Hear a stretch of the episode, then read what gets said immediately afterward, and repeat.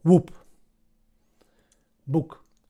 Rethinking Positive Thinking van Gabriel Oettingen. Gisteren hebben we onze motivatieformule besproken.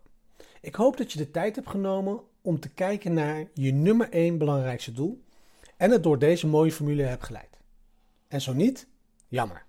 Gemiste kans. Deze kennis werkt alleen maar als je toepast in je leven. Alleen luisteren of lezen maakt je alleen maar boekwijs, niet levenswijs. We kunnen het niet stapgewijs samen doen als we deze ideeën niet echt op een consistente en lees dagelijkse basis uitvoeren.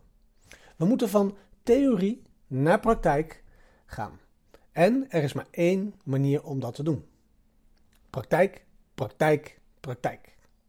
Oké, ik stop nu met belerend zijn. Vandaag zullen we het nog over een andere superkrachtige, maar niet zo geheime wapen bespreken. WOOP. W-O-O-P.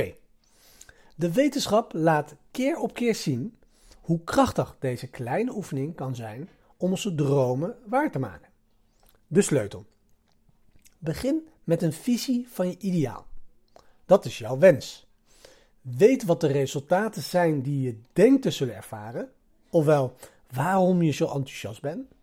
En dan wrijf die visie tegen de realiteit aan door de obstakels te zien waar je mee te maken kan krijgen. En maak dan een plan. Voilà, je hebt een noodzaak om te handelen gecreëerd. En je kansen op succes vergroot. Ik haal. Begin met een visie van je ideaal. dat is jouw wens. En weet wat de resultaten zijn die je zal gaan ervaren. Waarom ben je zo enthousiast? En dan, wrijf die visie tegen de realiteit aan door obstakels te zien waar je mee te maken kunt krijgen. En dan maak je een plan. En dan zie je uiteindelijk de noodzaak om te handelen. En je hebt je kansen op succes daarmee vergroot. En dus, de microles van vandaag is: laten we je nummer 1 belangrijkste doel even opnieuw bekijken. En wederom nummer 1, niet 10 of 5 of 2, zelfs 3, echt 1. Je nummer 1 belangrijkste doel.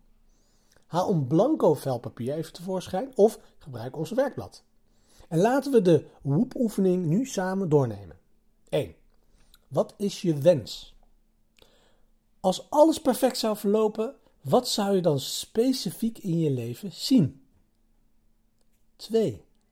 Wat is je uitkomst? Met andere woorden, waarom ben je zo enthousiast om dit te bereiken?